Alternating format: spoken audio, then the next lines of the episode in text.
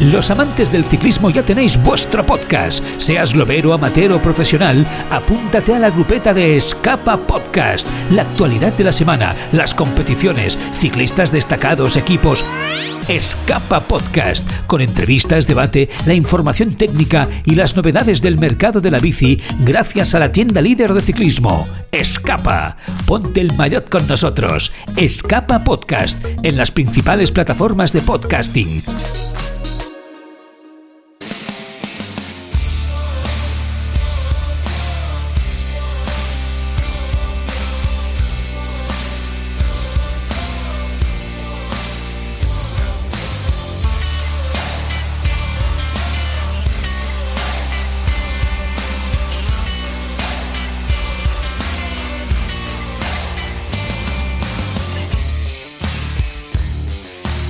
Hola, muy buenas, mi nombre es Cristian Cano y esto es Jóvenes Promesas. En el día de hoy hablaremos sobre un fichaje que se realizó en esta ventana de enero del nuevo millonario de la Premier, el Newcastle, uno de los laterales más prometedores de España y un jugador que ya se encuentra entre los mejores centrocampistas del mundo y que todo apunta a que será el fichaje más caro del próximo verano. Empezamos ya. Tribuna Marca Jóvenes Promesas con Cristian Cano.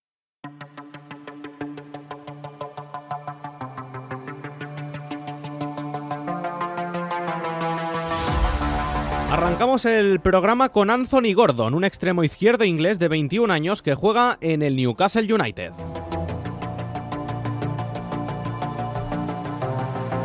Anthony Michael Gordon nació el 24 de febrero del 2001 en Liverpool, Inglaterra. Cuando tan solo era un niño empezó a jugar en el Liverpool. Sin embargo, en el 2012 y con una edad de 11 años se marchó al otro equipo de la ciudad del Merseyside, el Everton Football Club. Ya en la academia de los Toffees, Gordon empezó a ascender de categoría año tras año, hasta finales del 2017, cuando el joven futbolista fue convocado por el primer equipo de cara a un choque de Europa, League contra el AP Limassol. El 7 de diciembre debutó de manera oficial entrando desde el banquillo en el minuto 88 y los suyos vencieron por 3 goles a 0. Gordon no tuvo más protagonismo con el primer equipo en aquella 17-18 y regresó al sub-18 un equipo sub-18 en el que podríamos decir que era su gran referencia ofensiva, ya que en 16 partidos metió 14 goles y dio 4 asistencias. En la 18-19 fue turnándose entre el sub-18 y el sub-23. Aquella temporada le costó más mantener una, una regularidad, ya que con el sub-23 se enfrentaba a chavales bastante más mayores que él y tenía un rol secundario. En la 19-20, por fin empezó a adaptarse al Everton sub-23 y realizó grandísimas actuaciones a lo largo de aquella primera mitad de campaña. Dicho gran rendimiento le llevó a entrar en dinámica de primer equipo a partir del mes de enero. Su debut en Premier League fue en, un empate por 1 a 1 ante el West Ham. Aquella temporada Gordon participó en 12 partidos con los de Goodison Park, no vio portería y dio un pase de gol.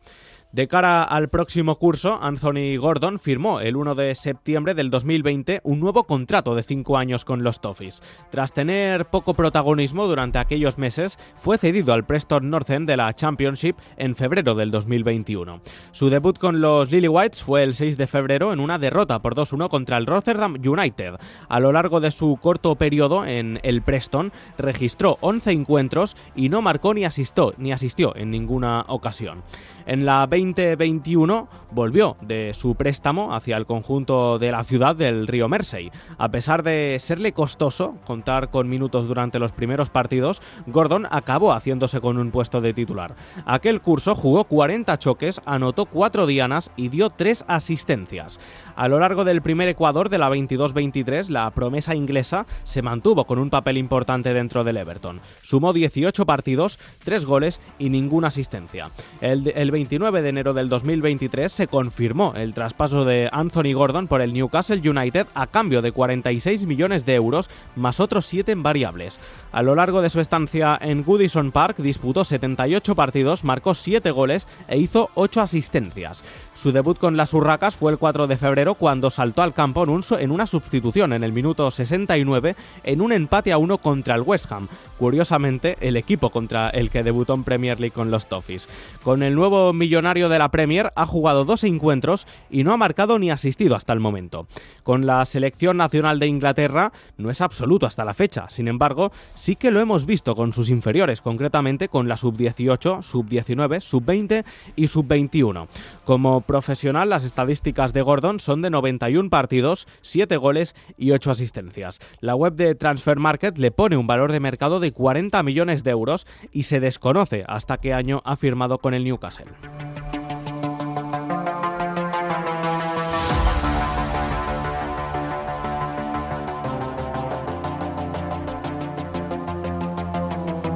Antes de empezar a hablar sobre Anthony Gordon, quiero comentar que es el futbolista de estos, tres de estos tres protagonistas del día de hoy al que menos he visto jugar con diferencia.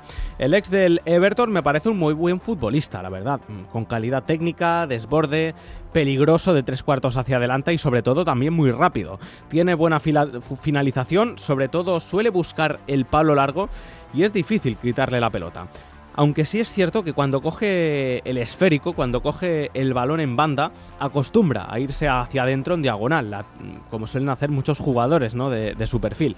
Es cierto que en ocasiones busca línea de fondo y saca un centro o un pase al punto de penalti, pero en este caso a veces se hace un poco previsible los, movimientos que va a hacer. Por otro lado, como a todos los jugadores de, de su perfil les pasa, pues le cuesta en el tema defensivo, la verdad. Eh, aunque pienso que en el Newcastle igualmente con Eddie Howe eh, puede reforzar muchísimo este aspecto, ya que en mi opinión este es un equipo defensivo. Es más, esta temporada está siendo una de las mejores defensas de Europa y si no me equivoco es el equipo menos goleado de la Premier. Diría que es el típico extremo que puede actuar como media punta. Insisto, al que le gusta tener la pelota pegada al pie, buscar posiciones interiores o esperar a que el lateral doble. Puede actuar por ambas bandas, aunque a mí donde más me gusta sin duda es en la banda izquierda y además a Gordon se le ve mucho más cómodo y liberado cuando actúa por esa zona del campo en vez de por derecha.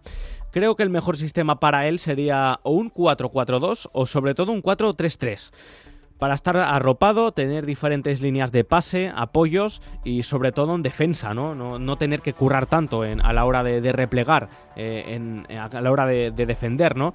O a la hora también de ir a la presión. Sobre el precio que pagó Newcastle por, el por el de Liverpool, que fueron, insisto, 46 millones de euros más otros 7 en variables, me parece una cantidad excesiva. excesiva. En mi opinión, está muy pero por, podríamos decir, muy por encima de, su valor actual de, mercado, e, ese precio y creo que unos 30 kilos hubiese sido algo más realista. Sin embargo, también es cierto que comprendo la posición del Everton. Es una de las perlas de su academia, tiene 21 años, era posiblemente el mejor o uno de los mejores del equipo y no iban a desprenderse de él tan fácilmente. Además, el comprador es el Newcastle, un club del cual creo que todos conocemos ¿no? su, su músculo financiero. Eso sí, es un futbolista interesantísimo que tiene un potencial muy alto. Creo que si las grandes actuaciones que, ha mostrado hasta el momento las hiciese con regularidad un día tras otro, estamos hablando de un chico que podría llegar a los 60-70 millones de euros. Pero bueno, esto ya depende de él y lo profesional que sea en el futuro. O, tampoco, quién sabe, ¿no? Si puede tener alguna lesión. Esperemos que en este caso las lesiones le, le respeten. Y bueno, en mi opinión, es, al menos, es el menos conocido de los tres que, que vamos a hablar en el día de hoy, pero también tengo que comentar que es el que más nos puede sorprender. Estas son las jóvenes promesas del fútbol en Tribuna Marca.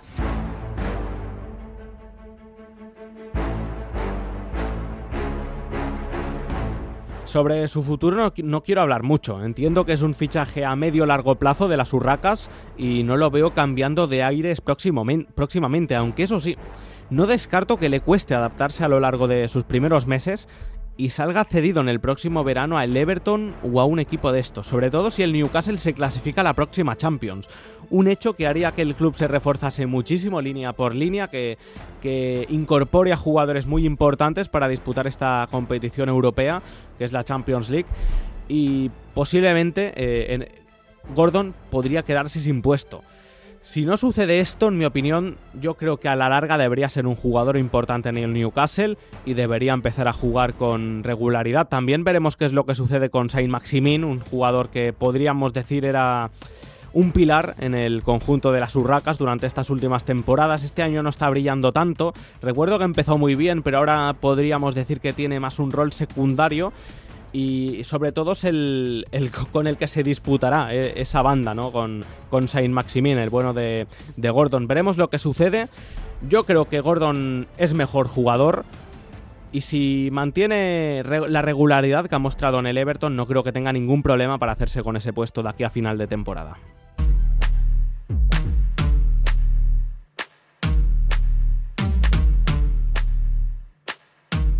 Tribuna Marca Jóvenes Promesas.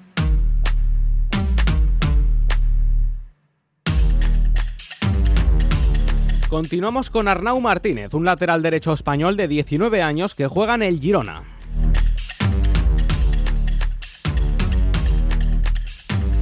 Arnau Martínez López nació el 25 de abril del 2003 en Premià de Dalt, de Barcelona, España.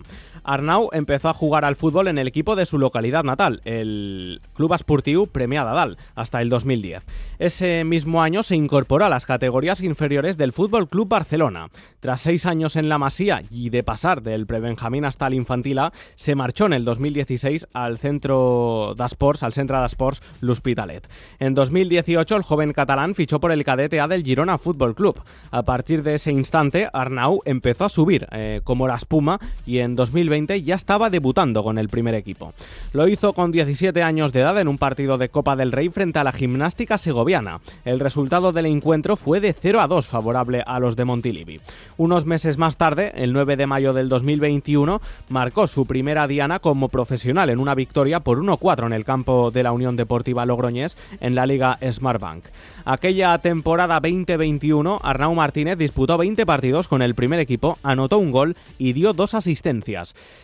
Michel, el entrenador del Girona, apostó por él en la demarcación de defensa central a lo largo de aquel curso, ya que esta era la posición natural de Arnau sobre el campo. Por otra parte, destacar que el Girona tuvo el ascenso en la mano, sin embargo, perdió la final de los playoffs de manera bastante dramática frente al Rayo después de, después de, ganar en Vallecas, en, el partido de ida, y acabar perdiendo finalmente en el, partido, en el partido de vuelta en Montilivi. La 21-22 sería muy exitosa tanto para el club como para el futbolista. Para el futbolista porque se convirtió en titular indiscutible y para el club porque logró el ascenso a la primera división. Jugó 42 partidos, metió dos tantos y repartió 6 pases de gol. Además, hubo un cambio muy importante en, el, podríamos decir, en, el nacido en, el cargo de Premia de Dal, eh, sobre todo posicional en el campo, ya que pasó de jugar de la zaga central a el lateral derecho. Zona en la que explotaron todas sus cualidades, eh, las de Arnau, y en la que podríamos decir que se consolidó definitivamente. Esta temporada ha mantenido un grandísimo rendimiento y sigue siendo un jugador importantísimo en los planes de Mitchell. Arnau ha participado en 18 choques en lo que llevamos de 22-23, suma dos goles y una asistencia. Y como era de esperar, viendo el potencial y la juventud del futbolista, ha despertado el interés de equipos de la talla del Atlético de Madrid o el Fútbol Club Barcelona. Todo apunta a que, abandonará, Montilivi en, en el próximo verano.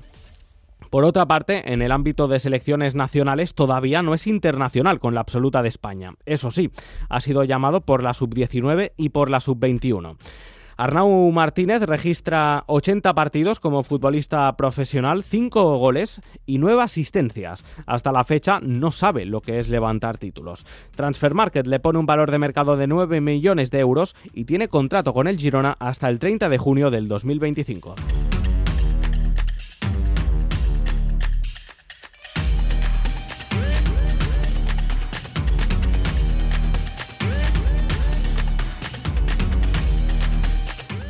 Arnau Martínez es un lateral derecho que me encanta. Llevo siguiendo su progresión desde que estaba en la temporada pasada en, segunda y es un futbolista con unas cualidades muy interesantes y de un potencial altísimo. Me parece todo un acierto que Michel haya decidido colocarlo como lateral en vez de, de como central.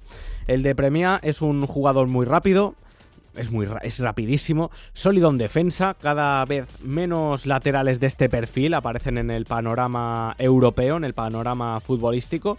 atrevido, que tiene desborde, con mucha capacidad para romper líneas. Si, si, le vieseis jugar os sorprendería mucho cuando coge la pelota y, arranca y empieza a dejar jugadores por, por el camino y que sobre todo también tiene mucha personalidad. Destacaría esta última mm, porque, insisto, es un jugador que para lo joven que es, mm, lo ves coger la pelota, eh, intentar dejar mm, líneas rivales eh, detrás, romper líneas sin ningún tipo de miedo y bueno, es un jugador que de momento en el Girona está siendo importantísimo eh, durante estas, estas, dos últimas temporadas. Arnau, por decirlo de alguna manera, en el ámbito defensivo, es de esos defensores que prefiere replegar y cerrar el espacio a hacer una entrada e intentar robar de esta manera la pelota, que también lo hace muy bien. Insistimos, hay muchas veces que los defensas, eh, pues en, vez de entrar ¿no? A, tener miedo a que le rompan o, le rompan la cintura o, lo dejen por el camino, pues lo que suelen hacer es retrasarse, ¿no? Eh, replegar, eh, no dejar espacios. En este caso Arnau también es un defensa que entra con todo y en la mayoría de estas acciones pues mete el pie y sale victorioso en, bastantes de estas. Y sobre todo es muy pesado. No me gustaría ser el extremo que deba encararle porque, insisto, es muy pero que muy molesto atacarle. Para hacer un resumen rápido del perfil de lateral que es, es un lateral muy sólido en defensa y que en ataque cumple. Cuando tiene que llegar a línea de fondo o profundizar lo hace con acierto. Digamos que cumple en esta función de, de alguna manera y por supuesto que tiene cosas que mejorar. Eh, es joven, tiene 19 años y aún le queda coger mucha experiencia. Sobre todo el no lanzarse tanto contra jugadores en situaciones desfavorables. Tiene mucha confianza en su capacidad para romper líneas, como he comentado antes, coge la pelota, arranca y empieza a encarar rivales pero eso con el tiempo yo creo que lo irá perfilando porque claro, pierdes ahí la pelota y tienes un buen lío en, defensa. Es que está cometiendo muchísimo riesgo, ¿no? Para, para perder la, la pelota o también te pueden pillar en alguna contra. Pero bueno, e, es un futbolista con un grandísimo potencial, como he comentado, y ya es, en mi opinión, uno de los mejores laterales de la liga. Como dije, su posición natural es la de central, pero a mí donde más me convence es de lateral. No lo veo en el futuro actuando en una pareja de centrales, eso seguro. En el carril diestro se le ve muy liberado, además de que mide 1,81 para ser central, digamos que entre comillas, no es 81, es bajito. Para concluir mi opinión sobre Arnau Martínez, insistir, es un grandísimo lateral y si todo va como debería ir, eh, yo creo que hará cosas importantes a lo largo de su carrera deportiva. Tribuna Marca Jóvenes Promesas con Cristian Cano.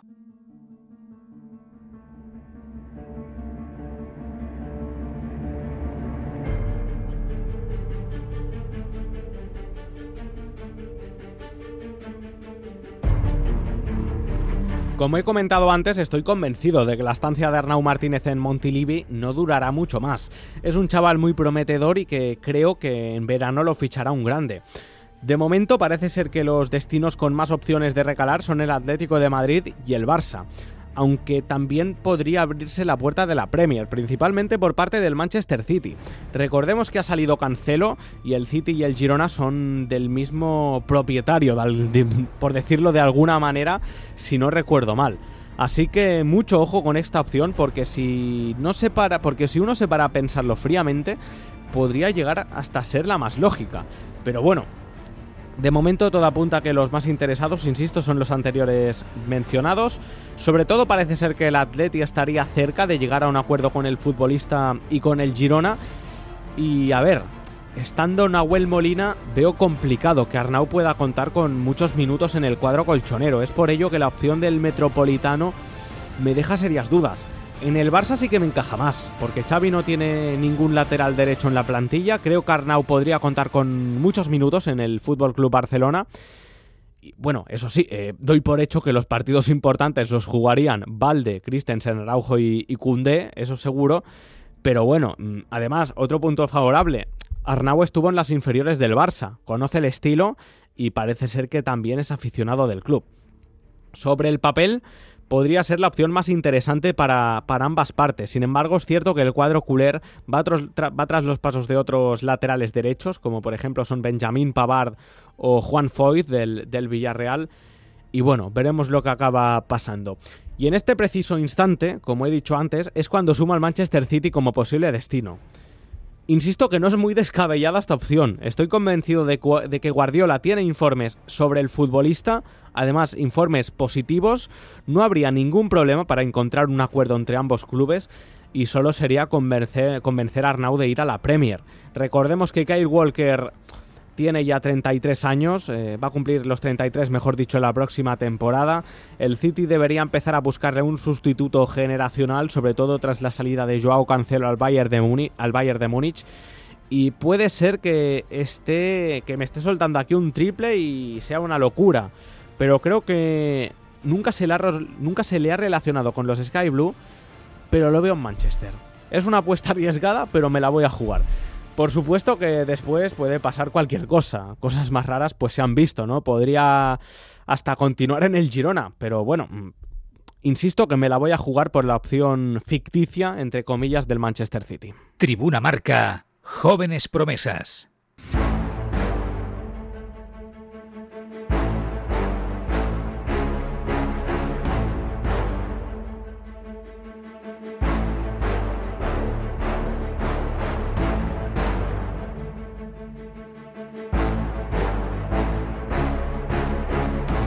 Y para el final he dejado la gran bomba. El futbolista del que voy a hablar a continuación ya me parece y es toda una realidad. Sin embargo, todavía es un futbolista muy joven y además tengo muchísimas ganas de hablar sobre él. Se trata de Jude Bellingham, un centrocampista inglés de 19 años que juega en el Borussia Dortmund.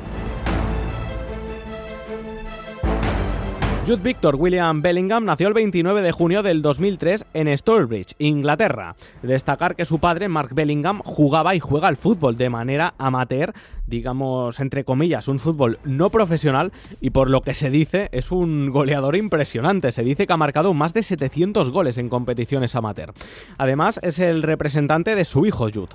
Por otra parte, el del Borussia Dortmund tiene un hermano que también se dedica a su misma profesión. Él es Job Bellingham y es jugador del Birmingham City. Centrándonos en el bueno de Jude, su primer equipo fue el Sturbridge Junior, un conjunto de su localidad natal.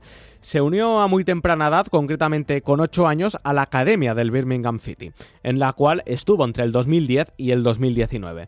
Sin duda fue uno de los chicos que más destacó de la cantera del cuadro blue. Estamos hablando de que cuando tenía 14 años ya jugaba con el equipo sub-18 y cuando tenía sub-15 debutó con el sub-23 cosa que es una barbaridad. Es más, la revista 442, la famosa revista británica, hizo un artículo en el año 2019 sobre los 50 jugadores más prometedores del fútbol inglés y Bellingham estaba en dicho artículo. Rápidamente empezó a entrenar con el primer equipo, sin embargo no jugaba porque era un niño y físicamente pues no tenía las condiciones para poder competir al máximo nivel. En el verano del 2019 empezó, empezó a participar en algunos amistosos del primer equipo. Su debut oficial fue el 6 de agosto en un partido de FL Cup contra el Portsmouth. Saltó al césped con 16 años y 38 días. Jugó durante 80 minutos y perdieron los suyos por 3 a 0. 19 días más tarde lo hizo en Championship contra el Swansea City. El 31 de agosto se estrenó como goleador en una victoria por la mínima frente al Stock City. Bellingham se convirtió en un, abrir y cerrar de ojos en el futbolista más joven de la historia del club en debutar y en marcar con el primer equipo. Ya desde el principio se vieron las cualidades y el alto potencial del chico y se convirtió en un habitual en el once titular. Aquella temporada 19-20 disputó 44 partidos, marcó 4 goles y dio dos asistencias como no podía ser de otra manera, tras aquel boom, entre comillas, muchos de los grandes de Europa se hicieron eco del futbolista y se interesaron en él. Sobre todo se le relacionó muchísimo con el Manchester United, al que, si no me equivoco, llegó el propio Bellingham a rechazar una oferta de 20 kilos para para unirse para fichar por el conjunto Red Devil y también estaba la opción del Borussia Dortmund. Finalmente fueron los alemanes los que se hicieron con los servicios del joven inglés. El traspaso de Jude Bellingham por, los de la cuenca del río Ruhr se confirmó el 20 de julio del 2020 por una cifra de 25 millones de libras esterlinas. Su debut con los del Signal y Duna Park fue el 14 de septiembre en Copa frente al Duisburg. La realidad es que el ex del Birmingham City cayó podríamos decir, de pie en Alemania. Ya desde un principio se convirtió en titular en un doble pivote eh, junto eh, su compañero en aquel entonces, Axel Witsel. Aquella temporada disputó 46 encuentros, anotó 4 goles y dio 4 asistencias. Por otro lado, fue campeón de la DFB Pokal, la Copa de Alemania, tras golear por 1-4 al RB Leipzig.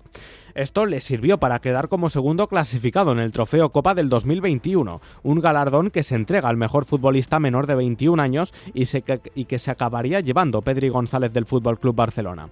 En el próximo curso, el 21-22, continuaría progresando y Bellingham ya se convertiría en uno de los futbolistas más destacados del panorama europeo. Sobre todo, tomó muchos más galones dentro del equipo, convirtiéndose en la gran referencia del Borussia Dortmund en la sala de máquinas y mostrando una gran llegada a portería contraria.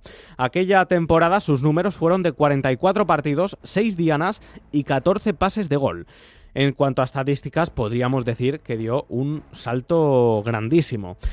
Esta campaña, que es la actual, ha mantenido la línea. Es más, tras la salida de Erling Haaland del equipo, ha cogido más galones ofensivos. Sus números, a pesar de ser medio centro, son una barbaridad, es que son impresionantes. Suma 10 goles y 6 asistencias en 27 partidos, en 28 partidos, perdón. Hasta el momento, desde su llegada a la Bundesliga en el verano del 2020, el inglés ha jugado 118 partidos, ha marcado 20 goles y ha dado 24 asistencias con el Borussia Dortmund. En lo que a selecciones nacionales se refiere, siempre ha defendido a Inglaterra como es lógico. También podría haber optado por República de Irlanda por su abuelo, pero como era de esperar, pues prefirió representar a los campeones del mundo en el 1966. Pasó por la sub-15, sub-16, sub-17 y sub-21 de los Three Lions. Como no puede ser de otra manera, ya ha debutado con la absoluta. En noviembre del 2020 fue llamado por Gareth Southgate de, de cara a unos amistosos tras las bajas de Warpros y Alexander Arnold. Su debut fue 12 de, ese, mismo mes, el, el, día 12, ante curiosamente la misma República de Irlanda. El choque finalizó con un 3 a 0 a favor. En aquel entonces, Jude Bellingham tenía 17 años y 136 días y se convirtió en el tercer internacional pues más joven en debutar con la absoluta de Inglaterra. Sus grandes actuaciones en, Alemania le sirvieron para ser convocado de cara a la Eurocopa disputada en el año 2021. Inglaterra acabaría siendo subcampeona del torneo tras caer en la final por 4-3 en penaltis contra Italia tras un 1-1 en el tiempo regular. Bellingham participó en tres partidos y en los tres saltó desde el banquillo. En el primero de ellos se fue el que fue el 13 de junio del 2021 ante Croacia en fase de grupos, se convirtió en el jugador más joven en jugar un partido de estas características en una competición de este nivel, eh, podríamos decir, en la historia de, su país. En aquel entonces tenía 17 años y 349 días. Alrededor de un año y medio más tarde entró en la lista para representar a su nación de cara a la Copa, de la, a la Copa Mundial de la FIFA 2022 con sede en Qatar. Su debut en el Mundial fue el pasado 21 de noviembre y no pudo ser mejor. Los Three Lions golearon por 6 goles a 2 a Irán y Bellingham anotó uno de ellos. Finalmente Inglaterra sería eliminada en los cuartos de final a manos de Francia, que acabaría siendo subcampeona por un marcador de 2 a 1. El nacido en Sturbridge fue titular en todos los encuentros y fue el hombre más destacado de su selección. De momento ha sido internacional en 22 ocasiones, sumando un gol y asistencias. Si cogemos todos los registros de su carrera como futbolista profesional, Jude Bellingham ha jugado 184 partidos, ha marcado 25 goles y ha dado 28 pases de gol. Solo ha ganado un título y fue la Copa de Alemania, conquistada en 2021. Transfer Market le pone un valor de 110 millones de euros y finaliza su contrato con el Borussia Dortmund el 30 de junio del 2025.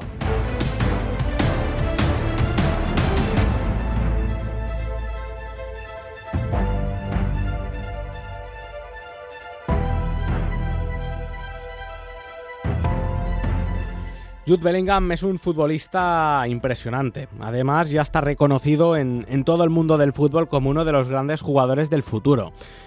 Es una auténtica máquina en el, en el, centro del campo. Eh, estamos hablando de un chico de 19 años, que, que, muchos a su edad ni han debutado, que lleva ya tres temporadas siendo una referencia en la Bundesliga, algo que es brutal y que tiene unas capacidades increíbles. Empezando por el aspecto físico, mide 1,86, es un portento y uno lo ve y parece imposible ¿no? que tenga 19 años. Sí parece que jugando, podríamos decir, podríamos decir, eh, lleva tú lo ves jugar y dices, este chico no, es imposible que tenga 19 años, parece que tuviese 25, 26, 27 porque es que tiene un recorrido impresionante. Aparte de esto, es un jugador de un talento enorme, atesora mucha calidad técnica en sus piernas y es muy complicado quitarle la pelota. Principalmente, pues porque cuerpea bien y si a eso le añades la capacidad de desborde que tiene, pues claro, complica el poder robarle la pelota. Tiene una gran visión de juego y último pase. Defiende bien, se coloca bien a la hora de replegar y sobre todo se le ve muy cómodo a la hora de ir a la presión porque en la mayoría de duelos los gana ya sea por contacto físico o porque acierta a la hora de entrar. La defensa no es, su, especialidad, pero cumple con creces en esta función. Y sobre todo en lo que destaca, y cada vez va más, es en, el, es en el aspecto ofensivo. Bellingham es un futbolista con muchísima capacidad de llegar a área contraria, es muy peligroso en el momento de entrar en segunda línea, sabe leer muy bien los espacios y tiene una gran finalización y bueno, también destaca en el juego aéreo con ese 1.86. Es que estamos hablando de que es el máximo goleador del Borussia Dortmund en la presente temporada con 10 tantos. Y además, eh, el segundo es Julian Brandt con 7, o sea que le saca 3 goles al segundo máximo goleador del conjunto amarillo. Es una locura lo de inglés. Diría que Bellingham es el centrocampista más completo que hay actualmente en el fútbol mundial. Y tiene 19, 19 años. La verdad es que es una barbaridad. Estamos hablando de que posiblemente ya esté entre los 5 o 10 mejores futbolistas del mundo en su posición, con potencial para estar entre los 3 o 4 primeros. Los primeros. Posible balón de oro en un futuro. Mm, eso ya sí que me parece bastante más complicado. Ya de por sí es complicado que lo gane un centrocampista. Ah, si no me equivoco, en los últimos años el único que lo ha ganado es Modric. O sea que háganse una idea, ¿no? Jugadores del perfil de Iniesta, de Xavi, no han ganado este, este premio individual, individual. Además, es un perfil de jugador mm, para ser un complemento más del equipo, no para ser la piedra angular de un proyecto aunque eso sí, de momento lo esté siendo en el Borussia Dortmund. Por otro lado, Bellingham es un medio, un medio centro muy polivalente. Sus características hacen que pueda actuar como pivote defensivo, ya sea único o en doble pivote, interior en ambos lados o incluso como media punta. Sin duda, donde mejor rendimiento da y donde puede explotar todas sus cualidades es en posición de interior en un 4-3-3. Creo que en esta función de todoterreno que defiende, organice y ataque, es en el que podemos ver al mejor Bellingham. Esta temporada está jugando así en el Borussia y estamos viendo el rendimiento que, está dando. Cada vez, pues podríamos decir que va más. Insisto, está llamado a ser uno de los mejores futbolistas del mundo en la próxima década. De momento esta, esta temporada está siendo de los más destacados. Insisto, ha metido 10 goles y es un centrocampista. Es, es una locura esta temporada diría que muy pocos centrocampistas están haciendo mejor campaña. Pensando así rápidamente, me viene a la cabeza Pedri. Mm, y poquito más, la verdad, eh, y poquito más. Puede que Martín Odegar también, sí, Martín Odegar del, Arsenal, pero ya está. Estamos hablando, y además todos ellos son muy jóvenes, ¿no? Una cosa bastante curiosa.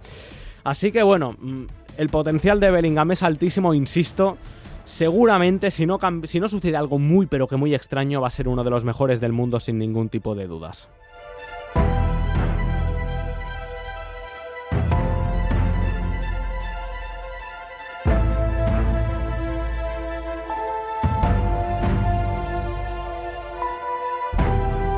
Tras dar mi opinión sobre el jugador inglés, quiero hablar más concretamente de su futuro. Está prácticamente, mm, podríamos decir, está confirmado que saldrá de Alemania en el verano y está llamado a ser el gran traspaso de dicha ventana. Se hablan de cantidades que rozan e incluso superan los 150 millones de euros. Una cifra que en mi opinión pues es más que razonable, viendo el rendimiento actual que está dando el jugador, juventud y también el potencial del futbolista. Se habla de que tres equipos, por que, hay, que hay tres equipos interesados por encima del resto, y estos son Liverpool, Real Madrid y Manchester City.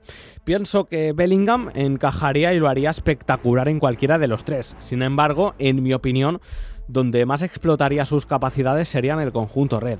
Creo que la propuesta del Liverpool y sobre todo de Jürgen Klopp es perfecta para él. Encaja en ese centro del campo como anillo al dedo y como centrocampista mm, podríamos decir eh, de ese perfil llegador físico con gol como lo, como lo era ¿no? anteriormente Ginny Wijnaldum. Y bueno, y qué decir, ¿no? El, nivel de Bellingham es infinitamente superior al del neerlandés, así que nos podemos hacer una idea de lo que podría llegar a producir para su equipo y el rendimiento individual que podría llegar a dar. Sabiendo cómo es el técnico alemán, exprimiría todo su potencial al máximo y yo creo que si se acabara concretando este fichaje y fuera aficionado del Liverpool, pues no podría estar más ilusionado porque creo que para esa idea de juego no hay mejor centrocampista que el ex del Birmingham City. En el Madrid y en el City también sería increíble, por supuesto, pero lo mejor para Bellingham es jugar en un equipo con una presión muy agresiva, como es la del conjunto de Anfield, y de robo y salida, ¿no? Ese estilo rock and roll que tanto le gusta al, al ex técnico, por cierto, también del Borussia Dortmund, Jürgen Klopp. En el caso de que, bueno, de que llegase al, cuadro español, del que llegase al conjunto del Real Madrid, pues creo que en el equipo de Carlo Ancelotti, mm, bueno, es un equipo que suele encerrarse atrás con una línea de 4 y otra de 5 y Benzema arriba y cuando tiene el balón tras pues suele salir rápidamente jugando al espacio por ambas bandas, ¿no? Ya sea por, por Vinicius o por Rodrigo o Fede Valverde por la derecha, aunque normalmente suelen atacar, suelen apostar por la banda de, Vinicius Junior. Y bueno, como he dicho, es un equipo que sale muy a la contra, pero que mm, eso es en el ámbito ofensivo. Mm, en el cual yo creo que explotaría todas sus capacidades. Eh, también en el Real Madrid con su llegada a área contraria, sobre todo con su entrada en segunda línea. Pero bueno, mm, también es cierto que lo de replegar no es su especialidad. Como he comentado, yo creo que el jugador prefiere salir a la presión. En el Manchester City, eh, como todos sabemos, el equipo de Guardiola es un equipo al que le gusta dominar los partidos a través del balón, tener mucha paciencia con el esférico a la hora de atacar y ejercer una presión alta sin, sin el mismo, sin la pelota. Creo que en el tipo de guion, de ecosistema en el que Bellingham puede ser más individual, eh, más diferencial, mejor dicho, es en el que he comentado antes. Robo y salida de transiciones rápidas y sin ningún tipo de dudas el equipo que más asemeja en el mundo del fútbol a eso pienso que es el Liverpool de club, además con dos chavales, bueno, con dos chavales no, con dos veteranos en este caso, mejor dicho, como son Thiago Alcántara y Fabiño, ¿no? Uno siendo el cinturón del equipo, el otro el que le da cerebro, el que le da pausa y Bellingham que podríamos decir sería la bomba, sería el, el box to box de la sala de máquinas del conjunto de Anfield. Estas son las jóvenes promesas del fútbol en Tribuna Marca.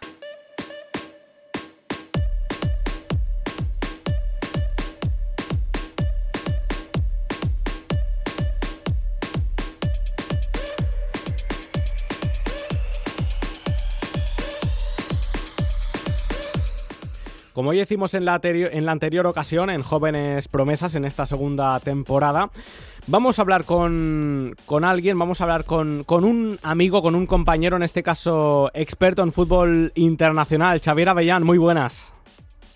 Buenas tardes, Cristian. ¿Qué tal, compañero? Xavi, hoy te traigo tres protagonistas, sobre todo, en mi opinión, uno de ellos muy pero que muy interesante, pero yendo paso a paso, mm, quiero empezar mm, preguntándote, hablando sobre Anthony Gordon, el futbolista del Newcastle, eh, inglés, 21 años, extremo, puede actuar por ambas bandas. ¿Qué te parece el bueno de Gordon?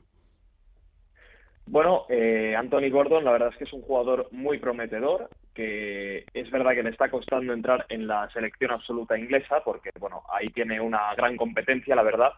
Tiene por delante jugadores como Paul Ben, Saka, Grealish o Sancho, entre otros.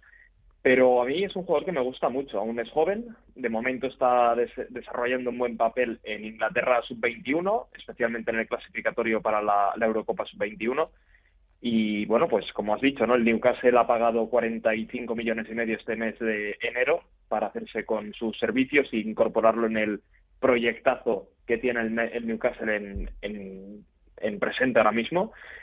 Y bueno, pues también es un jugador que evidentemente por desgracia para el Everton, se le estaba quedando pequeño, ¿no? El conjunto de Liverpool, el Everton, que es un histórico del fútbol inglés, pero que lleva ya unas temporadas a un nivel muy bajo, muy preocupante en zona de descenso y ha tenido que salir finalmente. Exacto, un ex de los Toffees que como has comentado podríamos decir que ya era hora ¿no? de que saliese, de que diese el salto a un equipo con, con unas pretensiones, con un proyecto más prometedor que el, que el del Everton. Es un futbolista que, bueno, mm, en el Newcastle, como has comentado, le está costando. Habrá que ver esa rivalidad, ¿no? Con, con Saint-Maximin, otro extremo de mucha, de mucho, de mucha calidad, de, de un grandísimo nivel. ¿Y a ti cuál te gusta más de los dos? A ver, yo por lo demostrado hasta el momento, por la regularidad también que se venía mostrando hasta hace unos meses, Maximin, o sea, Maximin es un jugador eh, que tiene algo especial, ¿no? Es un jugador además que yo creo que casa muy bien con la afición del Newcastle. Es verdad que últimamente esta temporada eh, no, no está teniendo tantos minutos porque, bueno, pues su rol en el equipo se está viendo un poco eh, de manera secundaria a lo que nos tenía acostumbrados, pero es que también hay que destacar que el Newcastle actual, Cristian, no es el Newcastle de hace unos años. El Newcastle de ahora, pues está montando un super mega proyecto muy ambicioso para luchar ya por meterse en Champions. De hecho, está cuarto ahora mismo en, la Premier con un partido más que su, que su perseguidor, el Tottenham. Entonces yo creo que el Newcastle evidentemente está con la, la mirada puesta en Europa y Anthony Gordon es un refuerzo de lujo que yo creo que al final pues acabará amortizando seguro el, precio que se ha pagado por él. Y, bien, yo si me tuviese que quedar con uno de los dos, a día de hoy me quedo con el francés, con Saint-Maximin, pero sí que es verdad que Anthony Gordon pues seguro que dará grandes alegrías al Newcastle. Yo en mi caso, como he dicho antes, yo creo que de aquí a final de temporada veremos más a Gordon que a, San Maximin. Principalmente, Xavi, porque eh, Gordon es un jugador que puede actuar por diferentes posiciones ofensivas. Puede jugar por izquierda, por derecha, también como media punta. ¿Xavi? Sí, a mí, a mí me gusta, a mí me gusta mucho por la derecha, sobre todo. Creo que es un jugador al final que, que es zurdo, que tiene una, una internada de dentro hacia afuera muy buena también y yo creo que evidentemente eso pesa mucho. Me recuerda, por ejemplo, es un perfil similar quizás al de James Madison o al de Jarrod Bowen, jugadores del Leicester y del West Ham respectivamente, no sé si, si estás de acuerdo, pero sí que es verdad que hay, es ese perfil ¿no? de futbolista inglés que yo creo que tanto tiene desequilibrio como buen golpeo, buena internada también entrando desde, desde la banda y, un jugador que puede caer, como tú has dicho, tanto en media punta como en banda izquierda o derecha. A mí me gusta más en banda derecha, la verdad. En mi caso no, es en la zona contraria, en, la izquierda. Eh, quiero hablarte sobre todo mm, por un tema del cual se ha hablado muchísimo, eh, sobre todo en Inglaterra, que es el precio del, traspaso. El Newcastle pagó 46 millones de euros más otros 7 en variables. ¿Crees que los vale o está un poquito inflado ese, ese precio? Bueno, ya sabes que yo soy muy partidario siempre de decir que se inflan bastante los precios, pero en este caso creo que no está tan inflado. Yo creo que, eh, bueno, quizás hace unos años no se hubiese pagado esta cantidad por Anthony Gordon, por el actual Anthony Gordon, pero yo creo que sí que a día de hoy es un precio más o menos razonable. No tiene 21 años, como decimos, creo que le da un salto de calidad muy grande al Newcastle en la zona ofensiva y creo que sí que están, creo que en este caso están bien pagados los 46 más variables. Además, el Everton, por decirlo de alguna manera, no es tonto. Eh, sabe que el Newcastle tiene pasta, eh, que tiene el nuevo propietario, que es, si no me equivoco, es el equipo más rico del mundo. Era la estrella del Everton, así que, por supuesto, que no iba a vender a su gran estrella, no Xavi, por cualquier precio.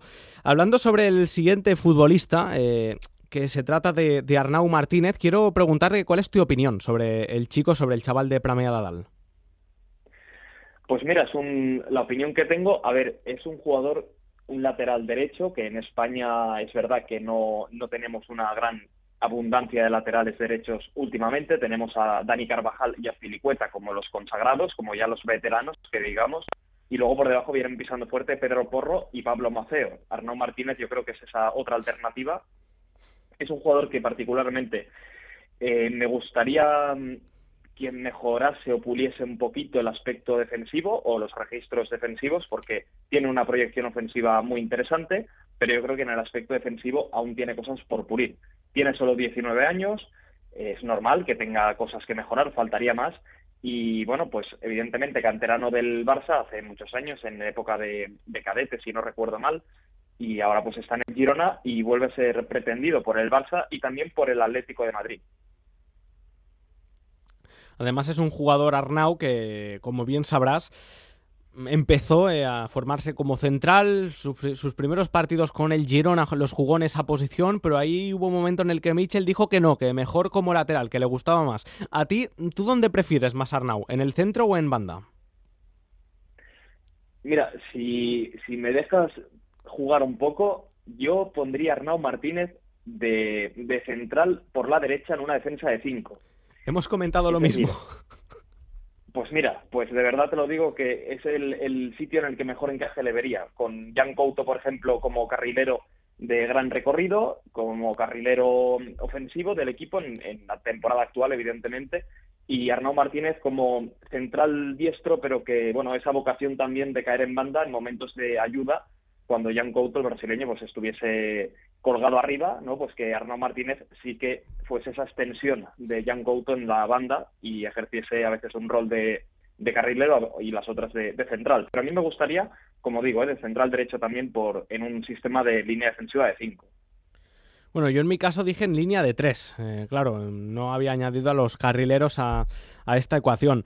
Eh, hablemos sobre su culebrón, lo que sucederá en verano. ¿Tú qué crees que pasará? ¿Atlético? ¿Barça? ¿Habrá sorpresa final? ¿Se quedará? Bueno, yo creo que me encaja más en el Atlético de Madrid por su forma de su estilo de juego. Sí que es verdad que pues es de la Masía, entonces yo creo que el, sistema o el modelo Barça seguro que lo debe conocer bastante bien, pero es un jugador de Renaud Martínez que a mí me encaja, no sé por qué, más en el Atlético de Simeone. Como digo, pues también muy guerrero, que puede... Eh, al final Simeone utiliza muchos sistemas diferentes durante la temporada, la defensa la retoca cada dos por tres, eh, sea por bajas, sea por cambios tácticos, a veces juega con tres centrales, otra con también tres más carrileros o laterales puros con dos centrales y uno reconvertido un centrocampista como Bitzel o Condopia. Entonces yo creo que es un jugador que encajaría mejor en ese estilo de juego, en el colchonero. Eh, ¿Dónde acabará? No lo sé, porque a lo mejor también luego puede pasar que venga la Premier como lo hace habitualmente y se lleve a un jugador prometedor al final por un precio prácticamente irrisorio, ¿no? A lo que estamos acostumbrados a ver que se gastan entre sí los clubes ingleses.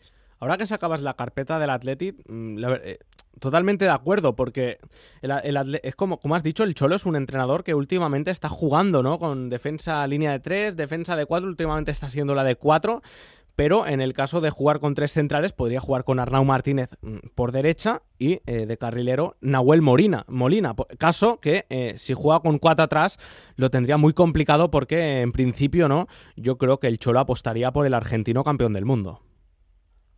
Sí, en principio yo creo que Molina, si jugase una línea de cuatro el Atlético y Arnau Martínez terminase jugando ahí, sería el titular. A priori yo creo que ahí no habría dudas pero como digo, pues al final Simeone está probando de centrales a jugadores que, bueno, que de inicio no se les presuponía que fuesen a, desarrollar un rol ahí como centrales. puede ser una alternativa. Yo creo que seguro que al jugador también le resulta interesante esa opción y no lo descarto. Bueno, también. bueno, esta temporada. Sí, dime, dime. No, no, adelante, adelante. No, destacar que esta temporada al final es uno de los defensas que más minutos acumula en, Liga. O sea, Mitchell está encantado con Arnaud Martínez. Lleva más de 1.500 minutos casi y, bueno, suma dos goles y una asistencia. Pero no está mal en un equipo como el Girona. Sí, además el Girona es un equipo que tiene muy buenos laterales. Todos jóvenes muy interesantes como son Jan Couto, Miguel Gutiérrez, ex del Real Madrid y el propio Arnau Martínez. Has comentado el tema de la Premier. Yo he puesto sobre la mesa y es más, he apostado por la ficha del Manchester City, porque recordemos que Girona y City son equipos, podríamos decirlo de alguna manera, amigos, entre comillas, y tras la salida de Cancelo le veo oportunidades, eh, probabilidades bastante altas que acabe en el City. No sé mm, cómo lo verás tú, Sí, al final el Girona pertenece al, grupo este del City, como dices, eh, que tiene como, no sé si, son nueve u once equipos repartidos por el mundo y el Girona creo que, es uno de ellos.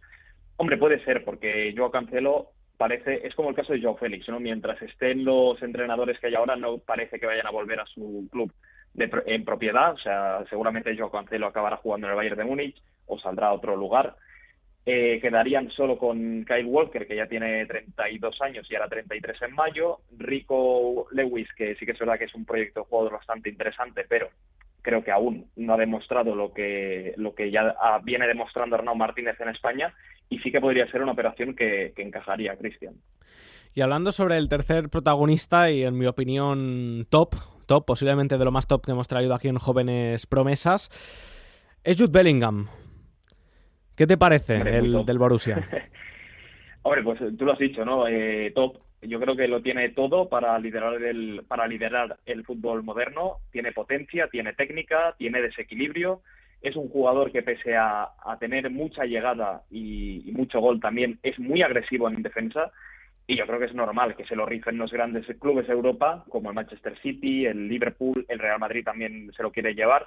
El PSG, bueno, el PSG al final siempre suena para todos, pero yo creo que, claro, es un club que al final va como va, pero es que Jude Bellingham es el prototipo de futbolista moderno, es ese jugador que, literalmente aúna eh, en un mismo perfil tanto potencia como técnica. Entonces yo creo que es un, bueno, es un top, es un fuera de serie Jude Bellingham. ¿A ti dónde, en qué posición te gusta más el, nacido en Sturbridge? ¿De pivote, interior, como media punta con esa llegada que tiene? A ver, yo prefiero de, interior, o sea, de medio centro al, al uso, ¿no? Que digamos. Eh, pero sí que es verdad que Bellingham, si me dices dónde lo quiero ver, yo le daría al centro del campo de mi equipo. O sea, independientemente de quién tenga al lado, quién tenga detrás o quién tenga delante, yo le diría, chico, el centro del campo lo organizas tú, eh, tú mandas sobre tus compañeros y tú organizas, ¿vale? Porque tiene pulmones para llegar a todas partes, tiene visión y tiene contundencia también en el corte, por lo tanto, yo creo que le daría prácticamente la totalidad del centro del campo por darle le darías hasta las llaves de casa y las del coche. y bueno, hablando, no, estaría, mal. hablando más sobre, sobre bueno de Jude Bellingham, ¿te parece que ya es uno de los mejores del mundo en su posición o el mejor incluso? Sí, el mejor va a ser eh, debatible si es ya el mejor en su posición, pero de los mejores del mundo está claro que sí, que lo es seguro, porque ¿qué pasa? Que sí que es verdad que vienen muchos jóvenes pisando muy fuerte, sobre todo centrocampistas. Viene Pedri, viene Jamal Musiala, Federico Valverde, Gaby, eh, bueno, un sinfín de jugadores que... Florian Wirtz, cuidado, el del Bayern Leverkusen, que ha estado un año lesionado y parece que ya lo tenemos olvidado, pero también eh, futbolista, fuerte. futbolista del cual ya hablamos en este mismo espacio, la, temporada pasada de Florian Wirtz, y bueno, me acuerdo que... Sí, sí, es un, jugador también muy bueno y que yo creo que ahora con su recuperación física seguro que volverá a sacar la cabeza pero tu pregunta, pues sí, yo creo que Bellingham eh, lo que es seguro es top 5, ¿no? Mundial, yo creo, en su posición. Top 5, top 7 más o menos, yo creo que ya se le puede colocar ahí porque lo tiene prácticamente todo. Totalmente de acuerdo. Bueno, en el, has comentado algunos futbolistas. En el caso de Fede Valverde, si no me equivoco, no sé si habrá cumplido ya los 25. Podríamos decir que es un jugador más formado, ya que lleva desde el 2018 en el fútbol de élite, ¿no? Cuando pasó por el 2017, mejor dicho, cuando pasó por el Deportivo de La Coruña como como, cedido. Parece que en, Alemania, mm, también en España, pero sobre todo en Alemania, se están formando, Xavi, jugadores muy interesantes. Bellingham, Florian Wirtz, Musiala. En el Bayern ahí hay alguno más, como Paul Warner, por ejemplo. Sí, en Alemania al final es una factoría de futbolistas.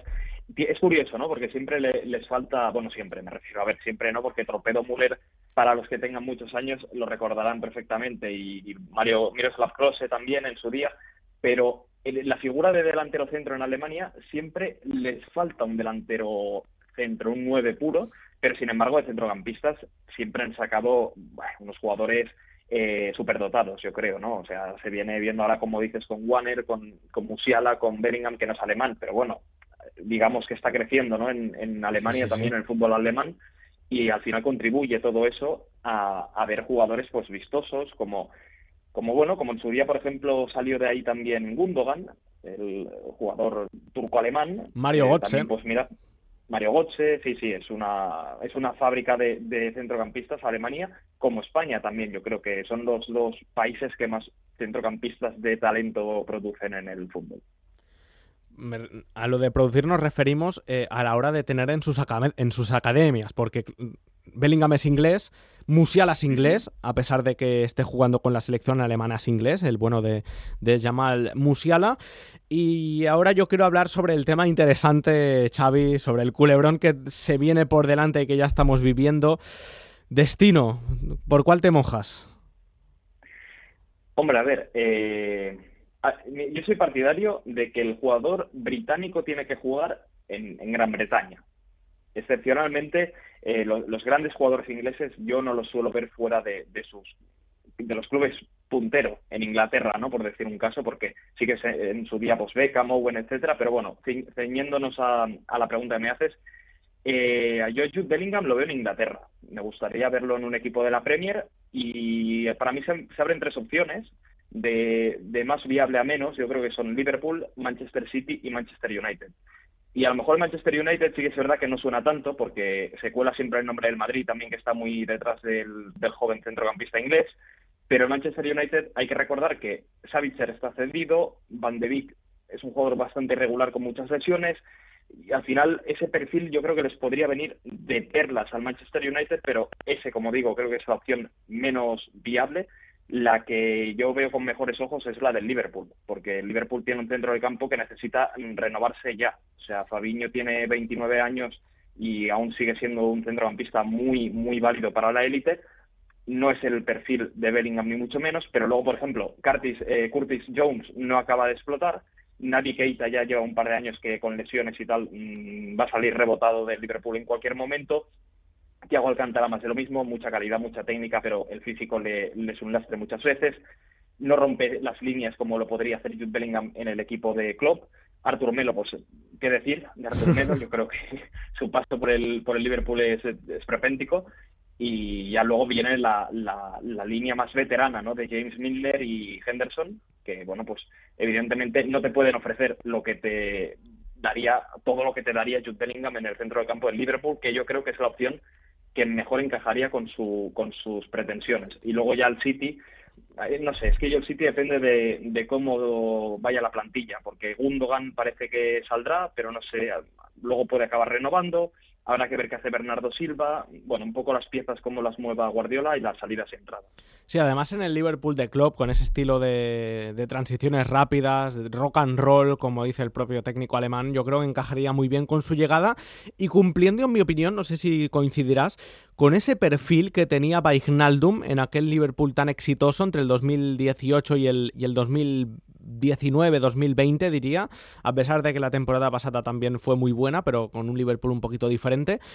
No, teniendo esa función de, de Vignaldum con llegada a área contraria, recordemos que le metió aquellos dos goles al Barça, por poner un ejemplo fácil, eh, de ese perfil, ¿no? De box to box, de romper líneas. Y además eh, comenzaría a tener el, equipo cosas muy interesantes en esa sala de, de, máquinas, por decirlo de alguna manera, porque, por ejemplo, también tiene a Curtis Jones, aunque en mi opinión no es futbolista para ser titular en el Liverpool, pero tiene a Fabio Carballo, un chico de una calidad enorme mágico, ¿no? De estos chicos que tienen mucho talento, que son medio, media puntas jugones, con el cual podría formar una muy buena pareja de interiores. Sí, está claro. O sea, yo los nombres que has mencionado son jugadores eh, que tienen una proyección muy grande, pero yo todavía no los veo como titulares en el Liverpool, eh, que, tanto Curtis Jones como a, Fabio Carballo. Y sí que es verdad que evidentemente tienen toda la carrera por delante, tienen 22 y 20 años, si no me equivoco, o 19 creo que tiene Fabio Carballo, por allí anda, pero yo creo que el Liverpool sí que necesita ese Jude Bellingham en el centro, ese jugador que esté en todas partes, que te coja el balón y te lo cambie de banda, que tenga llegada, que tenga gol, que se que muerda en la presión también, ¿no? Ese jugador, por ejemplo, ya lo tiene el City, ese jugador, por ejemplo, ya lo tiene el United y el Liverpool noto que no lo tiene. Y por eso creo que si tuviese que decantarme por un equipo en el que acabaría, me gustaría acabar viendo a Bellingham, sería el Liverpool de Jürgen Klopp o, quién sabe, si no a lo mejor de, por decir algo, Luis Enrique, porque yo tengo mis dudas de que Jurgen Klopp continúe el año que viene en el Liverpool. En mi caso, eh, yo creo que sería un gran error por parte del, club y de los propietarios darle salida a Klopp. Porque yo creo que el principal problema de Klopp no está siendo, del Liverpool, mejor dicho, no está siendo el, técnico alemán, Jürgen Klopp. Por último, el Real Madrid. ¿Qué te parecería su llegada al Bernabéu? Hombre, para la Liga Santander, evidentemente, pues sería un, cromo que daba mucho gusto de ver y yo creo que cuantos mejores, cuantos más cracks tenga la Liga Santander mejor, pero me costaría verle ahora mismo un encaje, ¿eh? pero Me refiero a día de hoy. Luego hay que ver también que nunca se sabe. Mirad, yo no me esperaba que Casemiro saliese del Madrid y, y terminó saliendo. Entonces no sé cómo quedará la plantilla del Madrid de cara a la próxima temporada. Hay que contar o no con Tony Cross y con Modric, porque ya tienen 33 y 37. Cross no quiere alargar mucho más su carrera. Modric ya por cuestiones de edad, bueno, pues el cuerpo le sigue dando, pero ya va acumulando años detrás en sus espaldas y luego por lo que digo de que no lo veo actualmente es porque le cortarías mucho la progresión, por ejemplo, a Camavinga, eh, Ceballos que ahora parece que está repuntando, que se me entienda, eh, Ceballos tiene más carrera que Bellingham, pero evidentemente Bellingham debería estar por encima, yo creo, en cuanto a rendimiento, en cuanto a físico y en cuanto a todo lo que está ofreciendo. Pero a día de hoy no sé a quién dejar fuera, porque si a lo mejor me dices que Cross pone punto y final a su carrera, bueno, pues Bellingham encajaría. Pero si continuasen tanto Cross como Modric, veo difícil que uno de los dos tenga que estar en el banquillo todo el año y veo difícil que Madrid vaya a dar salida a Camavinga o que lo ponga como lateral o que directamente no cuente con él. Entonces, me gustaría verlo en el Madrid, pero sería un buen cromo para, para la liga, evidentemente. Hombre, a pesar de, la calidad, del nivel, del rendimiento que han dado Casemiro y Casemiro Cross y Modric, yo creo que el Real Madrid también debería pues empezar a mirar un poquito al futuro. Este chico va a ser una barbaridad, ya lo es. Y yo en mi caso iría con todo a, por Jude Bellingham en el próximo mercado de, fichajes, ya sea el equipo que sea, Liverpool, Real Madrid o Manchester City o Manchester United. Aunque yo no lo veo tanto en esta operación, veremos lo que acaba pasando si los propietarios del PSG compran el club, porque ahí sí yo creo que podrían pasar cosas interesantes en el verano del conjunto de Old Trafford. Xavi Avellán, muchísimas gracias, que vaya bien y hablamos, hablamos en la próxima. Un abrazo. Muchísimas gracias a ti, un abrazo.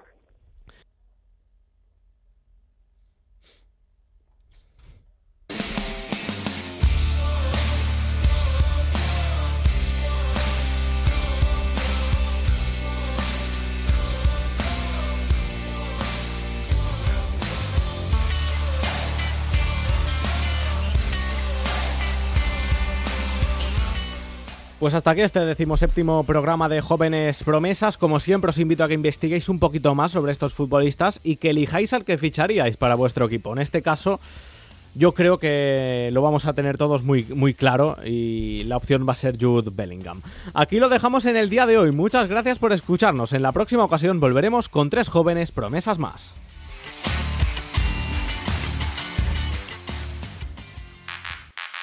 El deporte es sinónimo de éxito de triunfo, de gloria, de respeto. Los deportistas, atletas, jugadores, entrenadores son referentes, aclamados en todo el mundo y también son víctimas.